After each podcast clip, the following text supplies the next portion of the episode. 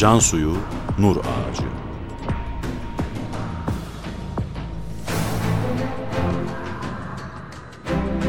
Metin Yusuf Ziya Özkan.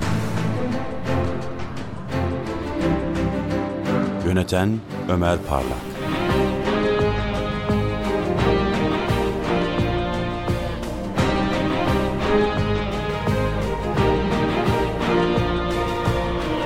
On beşinci Bölüm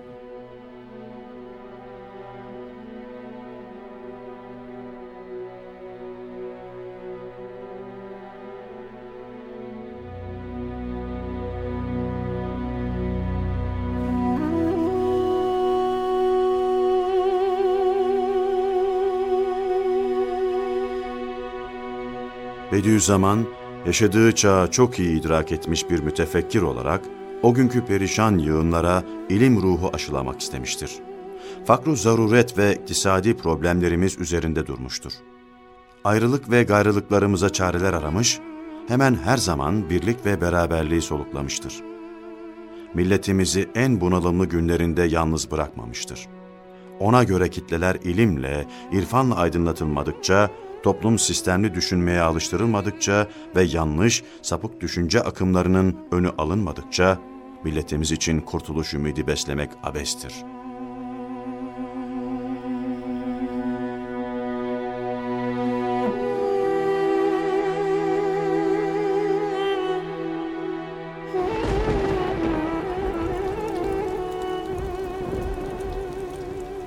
Yine de 10 ay ümitle gayret etti.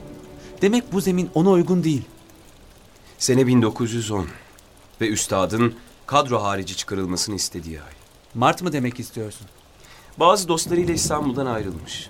Önce gemiyle İnebolu'ya gideceklermiş. Ümit insanı işte. Acaba, acaba, acaba. Bütün işi ve emeli bu. Dava adamı başka nasıl olur ki? İstanbul'dan vedaname diye bir yazı yazmış. Duydun mu? Yayınlamış mı? Bilmiyorum. Ama yakınındaki dostlarımdan biri muhtevasından söz etti. Ne diyor? Durumu nasıl değerlendirmiş? Neyi sebep göstermiş? Bir çırpıda o kadar soru sordun ki yavaş ol biraz. Merak ettim kardeşim. Sadece merak ettim. Ne var bunda? Onu seviyorsun değil mi? Onu biraz tanıyıp da sevmemek mümkün değil ki. Allah adamı. Hem de çok seviyorum. Kişi daha ziyade sevdiğini merak edermiş de. Veda yazısından söz etmeyecek misin? Aslında mümkün olsa da o ifadeleri kendisinden dinleyebilsek. Allah büyüktür. Kendisinden dinlemek mümkün olmayabilir belki. Ama onu temsil eden birinden dinlemek mümkün.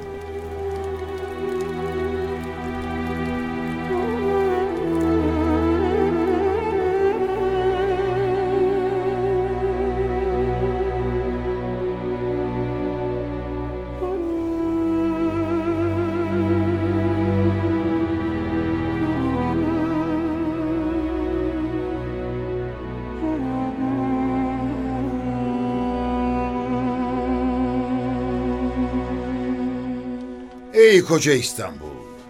Sen de eşitlik ve kardeşliği istibdat döneminde tımarhanede, meşrutiyet döneminde de sadece tevkifhanede gördüm. Elveda ey gelinlik giymiş uğursuz koca karı. Usandım. Sen zehirli bir bala benzersin. Belki medeni elbisesi giymiş vahşi adama benzersin. Vahşisin tam dünyaya benzersin. Medeniyet, akrep ve yılanların yuvası olmamalıydı. Hürriyet sadece dağların hür havasına münhasır kalmamalıydı. Bildiğime göre edipler edepli olurlar. Gazetelerde fikirleri terbiye ederler. Şimdi bazı edipler tam edepsiz, gazetelerde düşmanlık ve korku neşrediyor. Eğer edep böyleyse ben bu edepten vazgeçtim. Arınmıştır mübarek irfanımız minnettar olma ayıbından. Bize ezeli bir lütuftur alçaktan yüksekten etkilenmemek. Çekildik ümit neşvesinden, uzun emel ve hayallerden. Öyle bir mecnunuz ki Leyla'ya kavuşmaktan bile vazgeçtik.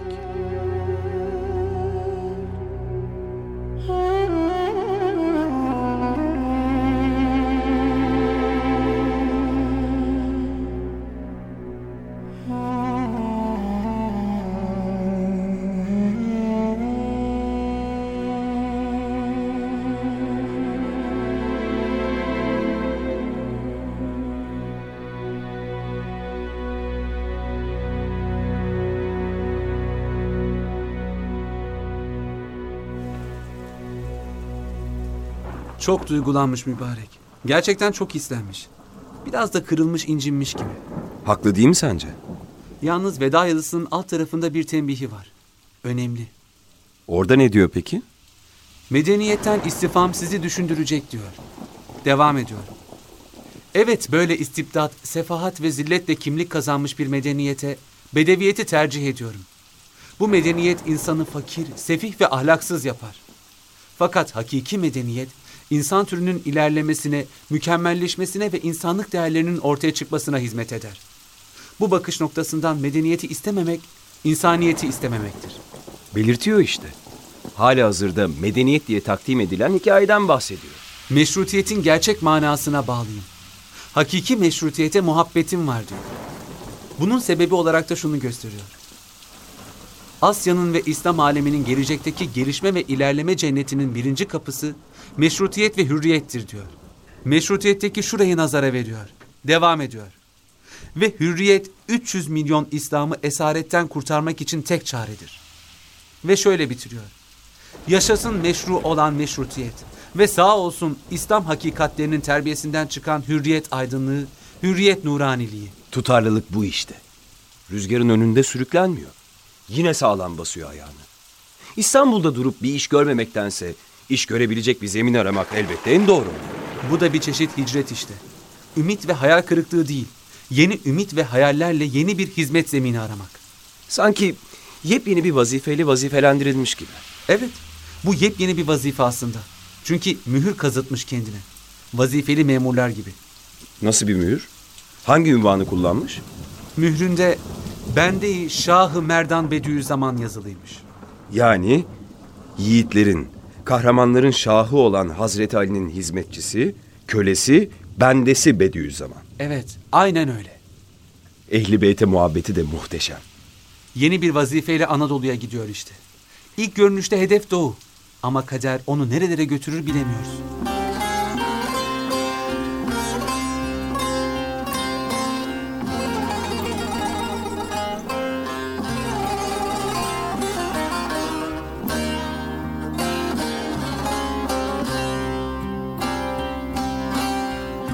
İnebolu alimlerinden meşhur Hacı Ziya ve diğer alimlerle görüşürler. Gönüllerde iz bırakırlar. Ahmet Nazif Çelebi, üstadı çarşıda görür ve kendisiyle selamlaşır sadece. Bu selamlaşma bile apayrı bir mazhariyet olur onun için. Şöyle der bu konuyla ilgili yazdığı yazısında.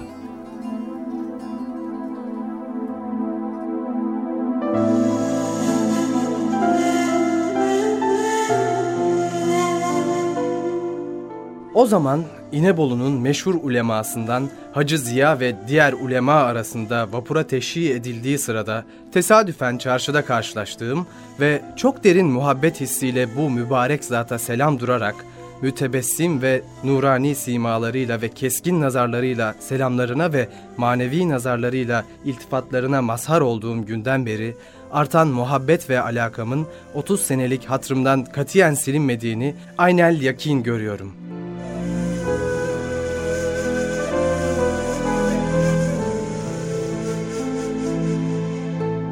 Yolculuk esnasında İnebolu'dan Batum'a geçer. Batum'dan Van'a giderken Tiflis'e uğrar yolu. Dedik ya, vazifelidir. Tiflis'te Şeyh Sanan tepesine çıkar.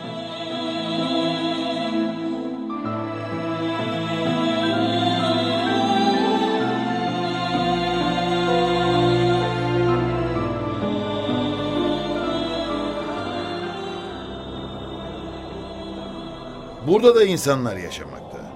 Burası da ruhu revanı Muhammed'inin şehbar açması gereken bir yer. Ve bu insanlar da aynı Allah'ın kulu. Buralar da onun mülkü. Ne yapıyorsun sen öyle? Neden oraya dikkatle bakıyorsun? Kim? Ben mi? Evet, sana soruyorum. Niye böyle dikkat ediyorsun? Medresemin planını düşünüyorum. Nerelisin sen? Bitlisliyim. Burası Bitlis değil, Tiflis. Farkındasın değil mi? Bitlis, Tiflis birbirinin kardeşidir. O ne demek şimdi? Asya'da İslam aleminde birbiri peşi sıra üç nur inkişafa başlıyor. Burası Rusya. Bizimle ne alakası var bunun? Sizde birbiri üstünde üç karanlık dalga dalga tabaka tabaka geçecek. Şu istibdat, baskı ve zulüm perdesi yırtılacak, büzülüp gerilecek. Ben de gelip burada medresemi yapacağım. Heyhat! Şaşarım senin ümidini. Ben de şaşarım senin aklına. Bu kışın ebediyen sürüp gideceğine ihtimal verebilir misin? Boş versene sen. İslam parça parça olmuş. Tahsile gitmişler. İşte Hindistan. İslam'ın yetenekli bir çocuğu. İngiliz mektebi idadisinde çalışıyor. İngiliz orta mektebinde ders görüyor. Mısır?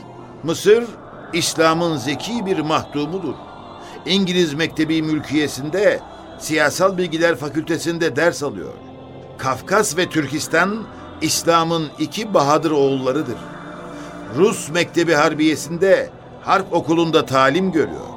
Ve dahası... Ne çıkar bundan? Yahu şu asilzade çocuklar şehadetnamelerini, diplomalarını aldıktan sonra her biri bir kıtanın başına geçecek.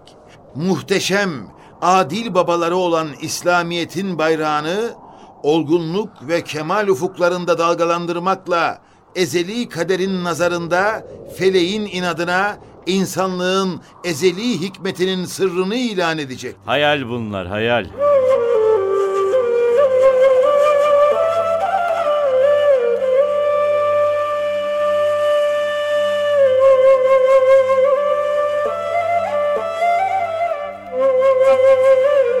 Hakikat sahnesine çıkan bazı şeylerin ilk tasarlanmaları hayalde olabilir.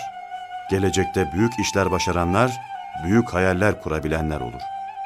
İstanbul Fatihi, Bizans İmparatorunun kumandanına benim yapacağım işe senin imparatorunun hayali bile erişemez der. Bediüzzaman'ın bu söylediklerinin bir kısmı çıkmış, bir kısmı da vaktini beklemektedir.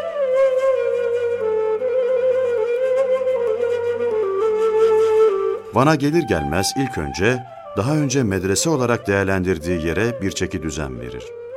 Yaz gelince Van, Hakkari, Bitlis, Muş, Diyarbakır ve Urfa dolaylarındaki aşiretleri ziyaret eder. Onlara içtimai, medeni ve ilmi dersler verir. Bu seyahat içinde hac görevini yapmayı da arzu etmektedir. Münazarat ve Muhakemat isimli eserleri bu gezilerde konuşulan konuları ihtiva etmektedir. Münazaratın mukaddimesinde Üstad şöyle der.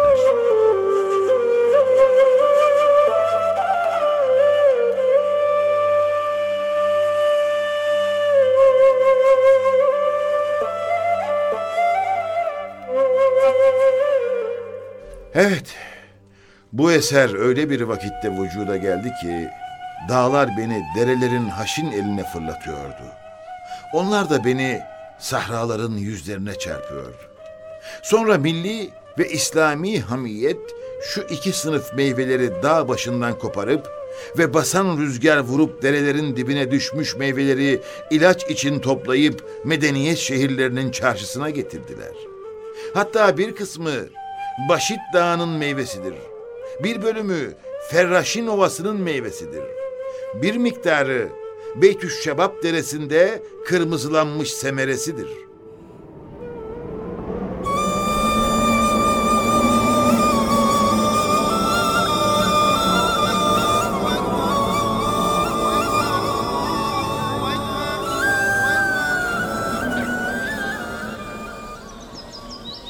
Münazarat kitabını gördün mü? O ne demek? Bediüzzaman bu eserde 155 suale 155 cevap veriyor. Bu kadar soru ve cevapla ne anlatmak istiyor ki? Aslında en önemli dediği Medreset-üz Zehra. Bu eğitim ocağının hakikati, faydaları ne şekilde hayata geçirileceği, gider ve gelirlerinin nasıl olacağını, ders usulünü, her şeyini açıklıyor. Biz bunu yapabilir miyiz? Başarabilir miyiz? Peki Bediüzzaman bunları anlatıyor. Şimdi nereye gitti? Urfa, Gaziantep ve Kilis üzerinden Şam'a, oradan da hacca gidecekti. Urfa'da Yusuf Paşa Camii'nin avlusunda güzel bir konuşma yapmış. Her şeyi anlatmış.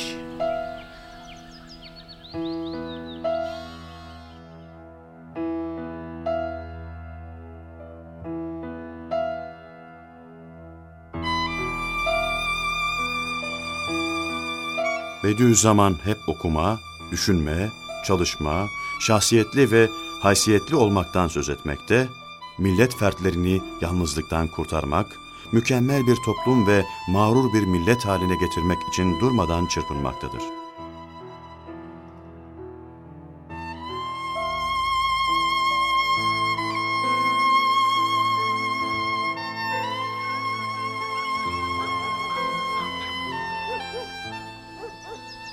Sürekli marif diyormuş.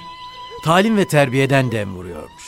Ona göre mescitler, medreseler, kışlalar, sokaklar, köyler, mezralar, caddeler, parklar, hatta hapishaneler bile bu eğitim seferberliğine katılmalı. Akli ve mantıki vahdet ne demek? Evvela vicdanlar birleşebilmelidir ki daha sonra gönüller ve eller de birleşsin. Ben dediklerinin hepsini anlayamıyorum. Bizim bir hoca var. O da diyor ki aşırı gidiyor. Hayali hakikat gösteriyor. Bizi de cahillikle suçluyor. Zaman ahir zaman. Gittikçe fenalaşması normal değil mi? Peki Bediüzzaman buna ne diyor? Ben anlamam ki. Böyle diyenlere şu cevabı veriyor. Cevabı hala kulaklarımda.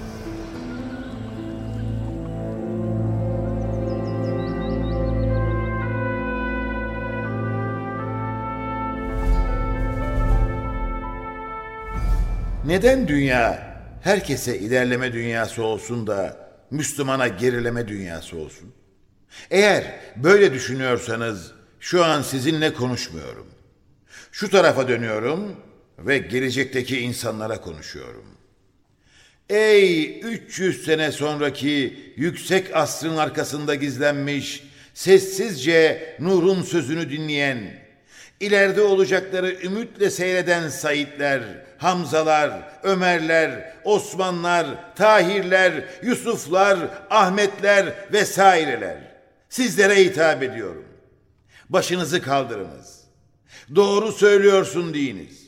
Ve böyle demek sizlere borç olsun. Şu muasırlarım varsın beni dinlemesinler. Tarih denilen mazi derelerinden sizin yüksek geleceğinize uzanan telsiz telgrafla sizinle konuşuyorum. Ne yapayım?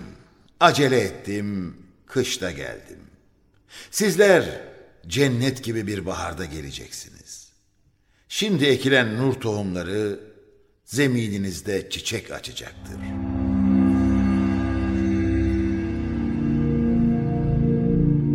On beşinci bölümün sonu. Burç Prodüksiyon